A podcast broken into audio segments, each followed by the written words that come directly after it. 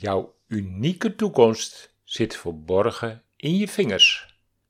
De vingers zijn voor mij een perfect middel om te ontdekken wat jij in je verleden hebt ervaren, maar ook hoe jouw kernkwaliteit in te passen is in jouw leven. Hoi, leuk dat je luistert naar de podcast Helende Vingers. Vandaag wat meer informatie over je vingers. De beide middelvingers wel te verstaan. Ik kijk naar de vorm, de topjes, onevenheden, kuiltjes en hoe ze in verhouding staan met de beide handen. We beginnen met de middelvinger op de rechterhand. In de rechter middelvinger kun je ontdekken hoe je je verleden hebt ervaren. Hij is voor mij een soort diagnosevinger. Alle oude emoties die je hebt ervaren zitten opgeslagen in die middelvinger. Maar ook jouw gevoelens over de toekomst is in die vinger te ontdekken. Die gevoelens over de toekomst zijn geen echte objectieve gevoelens, maar een soort verwachtingspatroon van je brein. Die neemt je verleden door en plaatst daar een bepaald gevoel bij. Om je toekomst goed te bepalen, is het dan ook belangrijk je vingers eens te gaan raadplegen. Want over de toekomst nadenken geeft oude emotie en dus geen echt en eerlijk beeld. Om je vingers in te zetten, even een korte inleiding. De vingers op de rechterhand bevatten de ervaringen uit het verleden die door de linker hersenhelft, het denken, wordt verzorgd. De vingers op de linkerhand geven de informatieprijs over de creativiteit, jouw kernkwaliteiten en jouw mogelijkheden voor de toekomst. Ik zie de vingers als een hulpmiddel op het moment dat er een keuze gemaakt dient te worden. Bijvoorbeeld bij een werkzoekende, bij veranderingen in je leven. Eigenlijk zijn de vingers voor mij een perfecte mogelijkheid om je totale leven te bekijken. Want niet alleen zijn je ervaringen uit het verleden voelbaar, in de vingers zijn ook jouw kwaliteiten voor de toekomst aanwezig. Elke vinger heeft zo zijn eigen verhaal. En alle vingers tezamen geven mij een compleet beeld hoe je het verleden en de toekomst denkt. En welke mogelijkheden er voor je toekomst zijn. Wat is er nog meer over de middelvinger te vertellen? Laat ik iets vertellen uit de zevendaagse opleiding vingerreflexologie. Voordat ik het ga hebben over de vingers, wil ik het eerst hebben over onze verdedigingsmechanismen. We kunnen bij onraad vechten, vluchten of verstarren. Door de gebeurtenissen in je eerste levensjaren heb je je bewust of onbewust op een bepaalde manier staande weten te houden.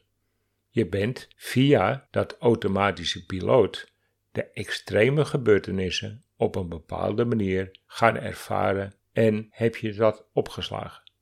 En je ervaring is duidelijk waar te nemen in je vingers tussen de aanzet van je vingers en het eerste kootje. Dat zijn de eerste 15 jaar van je leven. Het topje is het huidige moment. Zie daarbij dat de huid als een soort muur is tussen binnen en buiten. Hoe strakker of juist losser de huid om je vinger zit, geeft aan hoe je met die gebeurtenissen uit je verleden bent omgegaan. In die eerste vijfde jaar van je leven heb je aan alle indrukken die je hebt ervaren een bepaalde emotie en een gevoel gegeven die voor de rest van je leven verantwoordelijk is voor hoe jij in het leven staat. Emotioneel gezien neem je die gevoelens dus mee in de rest van je leven. Ben je tevreden met je leven, dan is er niets aan de hand. Maar zijn er dingen waar je steeds tegenop loopt, waar je emotioneel door geraakt wordt, of je zoveel narigheid hebt meegemaakt dat je steeds vast blijft lopen? Om de juiste diagnose te stellen wat betreft hoe je in je basisemoties ervaren hebt, delen we die eerste 15 jaar in drie delen. We gaan van 0 tot 3, van 3 naar 7,5 en van 7,5 naar 15. Tussen 0 en 3 jaar hebben we de ervaringen die we meemaken niet echt in ons brein opgeslagen. We kunnen, als we hooggevoelig zijn, wel herinneringen hebben, maar in de meeste gevallen is dat van horen zeggen. Je kunt het ook zien aan de vingers, want bij de aanzet, zowel links als rechts van de middelvinger, zit de huid wat losser, alsof de muur wat verder weg is gezet, een soort zwemvliesje.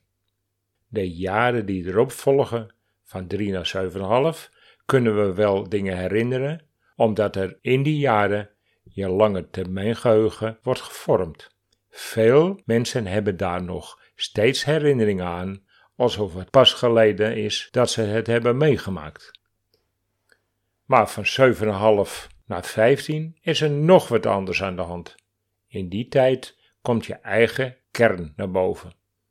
Op dat moment komt er een soort drang om je eigen wil neer te zetten en komt er misschien tot de uitspraak: als de wereld zo tegen me is, ga ik mij zo gedragen. Tot zover les 1 van de zevendaagse opleiding vingerreflexologie. Maar er is meer op de vingers te voelen natuurlijk. Want op het moment dat je emotionele dingen hebt meegemaakt, wordt er door het brein adrenaline, cortisol aangemaakt.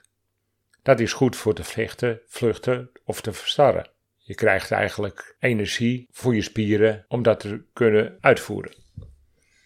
Maar stel je voor dat je woedend bent op een situatie, maar je kan hem niet uiten. Dan blijft er eigenlijk een soort adrenaline, cortisol achter. En dat is nou precies wat ik ervaar op de vingers. En dat zit aan de zijkant, zowel aan de rechter als de linkerkant van je vingers. Als je met je nagel van je andere hand aan de zijkant van je vingers, van het eerste kootje naar beneden toe, naar je begin van je vinger, hard drukt, dan zal je een bepaald kristalletje kunnen voelen. En op die manier weet je dat er ergens nog een onverwerkte emotie vastzit in je vinger van het verleden, wat tot op heden nog dwars zit.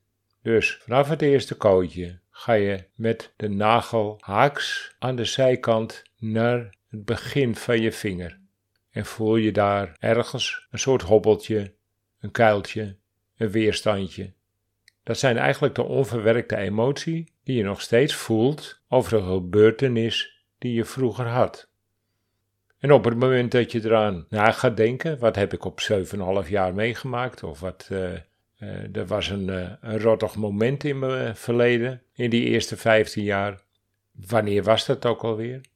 Dan ga je met je nagel aan die herinnering denken en dan wrijf je hard aan de zijkant van je vinger en je voelt precies aan, want die vinger heeft eigenlijk een soort tijdslijn. Wat ik al eerder zei, de start bij je geboorte is waar de vinger begint en het eerste kootje is je vijftiende jaar, zeg maar rond de puberteit. Op het moment dat jij een heftige puberteit hebt meegemaakt, hè, dat je echt uit je dak ging, en dat je echt een rebel werd, dan zal je merken dat dat kootje ook wat dikker is. Ik wil op deze, dat ik het hierbij laten en de volgende keer ga ik verder met het uitleg over hoe en waarom ik voor vingerreflexologie heb gekozen. Dank je voor deze aandacht. Tot de volgende keer.